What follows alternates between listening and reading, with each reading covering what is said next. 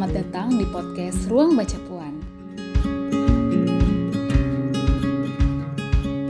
Nah, hari ini aku bakalan sharing soal pengalaman Mama Marlinda dan pangan Nusantara. Bicara soal pangan nih, tentu tidak asing buat teman-teman. Apalagi kaitannya dengan pangan lokal. Ingatan-ingatan masa kecil pasti langsung terngiang-ngiang di kepala nih. Apa sih pangan khas daerah kamu? Yang menjadi favorit dan selalu ada di setiap acara atau ritual di daerah kamu. Aku bakalan sharing bagaimana mengenal Mama Marlinda dan kehebatan beliau dalam mengolah, menjaga, dan merawat resep serta ingatan mengenai pangan Nusantara.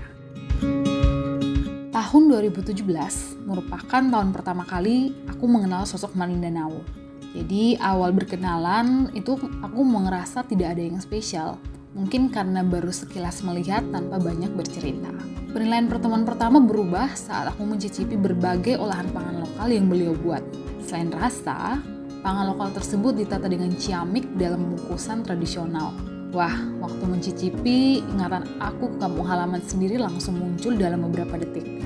Hampir 10 tahun, aku tinggal di ibu kota provinsi Nusa Tenggara Timur. Dan jarang bahkan hampir sulit menemukan gerai makanan yang menjual pangan lokal. Walaupun makanan instan nikmat, tetap saja rindu akan pangan lokal yang dikonsumsi sejak kecil pasti akan ada.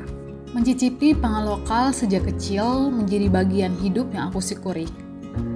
Obsesi kita saat ini pada beras mungkin membuat ujung lidah kita lupa bagaimana rasanya jagung, sorghum, ubi, atau mungkin sagu. Beras membuat kita terlena, membuat pangan Nusantara kita mengelana jauh entah ke mana. Saat mengingat pangan Nusantara, aku tidak hanya mengingat bagaimana bentuk dan rasanya. Ingatan tentang mengapa pangan itu lahir di tengah sukuku, suku Timur.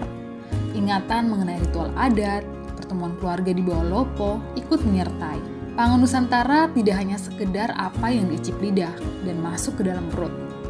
Pangan Nusantara adalah identitas dan budaya kita yang bisa saja hilang karena obsesi kita pada beras. Tahukah teman bahwa Indonesia itu memiliki begitu banyak potensi sumber pangan lokal yang telah beradaptasi dengan kondisi lingkungan. Namun, pangan nasional kita masih identik dengan beras, sementara sumber pangan lain diabaikan. Seharusnya kebijakan pangan kita adalah kebijakan pangan yang berspektif Nusantara. Pangan Nusantara yang tidak hanya dekat dengan kolokalan, mudah diakses, namun bisa menjadi cadangan makanan yang baik saat krisis. Kerentanan pangan yang diakibatkan oleh kurangnya pengetahuan mengenai sumber pangan lain dan negara yang terus menyuap beras ke lumbung-lumbung masyarakat. Krisis-krisis yang terjadi dengan alasan kekurangan pangan karena datangnya pangan dari luar yang tidak bisa kita produksi sendiri. Jika ditelusuri lebih dalam, jejak-jejak pangan lokal masih ada di masyarakat-masyarakat yang cukup jauh dari kota Salah satunya di daerah Molo Utara, Timur Tengah Selatan, Nusa Tenggara Timur. Jika kamu mampir ke rumah orang Timur, kamu akan disuguhi jagung, baik itu jagung bose maupun jagung katema. Jangan bayangkan jagung kosong yang ada di piring. Ada beragam jenis kacang-kacangan yang dimasak bersama jagung, belum lagi ditambah dengan umbi-umbian rebus yang menambah nikmat. Teman makan jagung di piring tersebut bisa ditemukan di hutan. Namun, Seiring berjalannya waktu, tidak asing melihat di piring orang-orang yang hadir, jagung bisa berdampingan mesra dengan nasi. Biar lebih kenyang katanya. Tanpa kita sadari nih, ketergantungan akan beras membuat kita dengan sumber daya alam yang kaya harus merasa mengalami krisis pangan jika beras habis di dapur. Kalau kita mengunjungi suatu daerah, makanan khas adalah hal yang akan kita cari. Selain gedung dan tempat wisata, Makanan menjadi identitas yang menggambarkan bagaimana gambaran kota yang kita kunjungi saat itu. Coba dibayangkan jika dalam beberapa puluh tahun ke depan, restoran cepat saji ada di mana-mana. Orang-orang mungkin akan hilang ingatan seperti apa bentuk dan rasa makanan khas kota tersebut. Aku sendiri tidak bisa membayangkan ketika orang datang ke timur dan bilang, "Wah, enak sekali makanan khas timur yang aku beli di restoran cepat saji itu."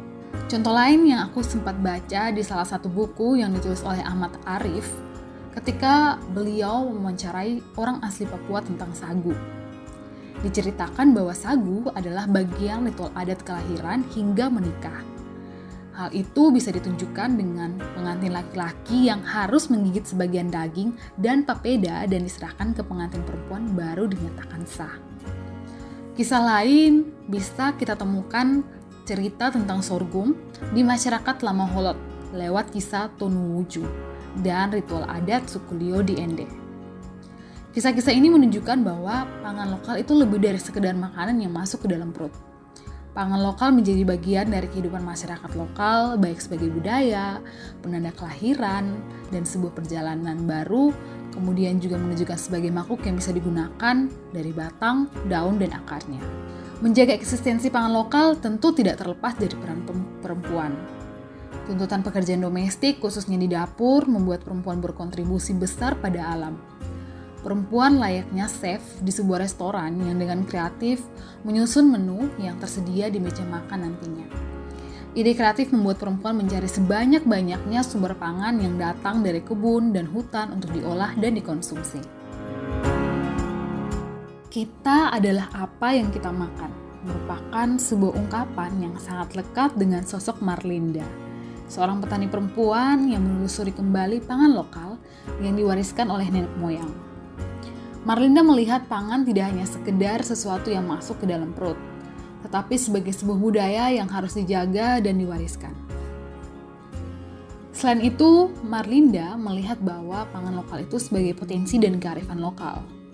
Semua orang yang mengenal Marlinda akan dibuat takjub karena lewat tangannya, hampir semua hal yang tumbuh di sekitar rumah, kebun, bahkan hutan bisa diolah dan dimakan. Marlinda merupakan satu dari banyaknya perempuan di luar sana yang terus semangat menjaga nyala api di tungku lewat mengolah pangan-pangan yang berpotensi dan memiliki kearifan lokal di daerahnya. Salah satu pangan lokal yang diolah oleh Marlinda adalah kacang arbila, jenis kacang beracun yang harus direbus selama 12 kali sebelum dikonsumsi agar bisa menghilangkan senyawa racun dalam kacang. Untuk teman-teman yang belum tahu, kacang ini tumbuh liar dan terdiri dari beberapa jenis, yaitu arbila beracun, arbila hitam, arbila kuning, dan arbila kuning putih. Ukuran kacang ini sedikit lebih besar dari ukuran kacang merah. Dan jika sudah direbus, rasanya seperti kacang merah dan punya tekstur yang lembut karena diproses cukup lama. Yang menariknya nih, beberapa dapur memiliki 12 batu sebagai penanda setiap rebusan. Selain kacang arbila, Marlinda juga dapat mengolah pangan yang tidak biasa diolah oleh masyarakat di daerahnya, seperti sayur bunga gamal, getah damar, dan sarang lebah. Saat duduk bercerita, Marlinda akan membagikan banyak kisah menarik, bagaimana ia memulai memanfaatkan jenis pangan alternatif dan tidak tergantung pada pangan utama seperti beras. Marlinda tinggal di desa Taiftop, Mula Utara, Timur Tengah Selatan. Musim kemarau di tempatnya berlangsung lebih lama dibandingkan musim hujan. Belum lagi ditambah dengan akses pada air yang susah, sehingga jika hanya menaruh hidup pada kebun sayur, tentu akan kesulitan. Beruntung, Marlinda dibekali dengan pengetahuan dan pengalaman dari ibunya. Bagaimana mengolah pangan alternatif baik dari kebun maupun dari kawasan hutan. Bekal ini menjadi awal ia berjuang di level keluarganya, hingga komunitas untuk memulai mengonsumsi pangan yang lebih beragam. Upaya Gigi Marlinda yang memperjuangkan ketahanan pangan diawali dengan adanya pengalaman yang terjadi pada dirinya sendiri, sehingga timbul kepedulian agar dapat berkontribusi juga dalam ketahanan pangan. Marlinda menjadi salah satu perempuan yang memiliki kontribusi besar terhadap upaya konservasi, pengelolaan, dan penggunaan sumber daya sejak pertama terbentuknya komunitas masyarakat yang beradab. Saat krisis pangan di Pulau Timor, saat musim kemarau, Marlinda adalah salah satu perempuan yang bisa tetap makan lewat sumber pangan yang ia dapatkan dari hutan, seperti umbi-umbian, jamur, dan jenis sayuran yang belum dikenal oleh masyarakat pada umumnya. Cerita Marlinda ini menguatkan cerita-cerita lain bahwa ternyata perempuan merupakan kelompok yang paling aktif sangat kreatif dan sangat menaruh perhatian dan komitmen dalam gerakan konservasi dan perlindungan dan perawatan. Bulan April 2021 kemarin, hampir sebagian besar wilayah timur terkena dampak dari siklon Seroja. Hujan deras yang turun terus-menerus membuat hampir 90% petani mengalami gagal panen. Jagung yang menjadi harapan rusak dan menghitam. Sayur pun tidak bisa diselamatkan.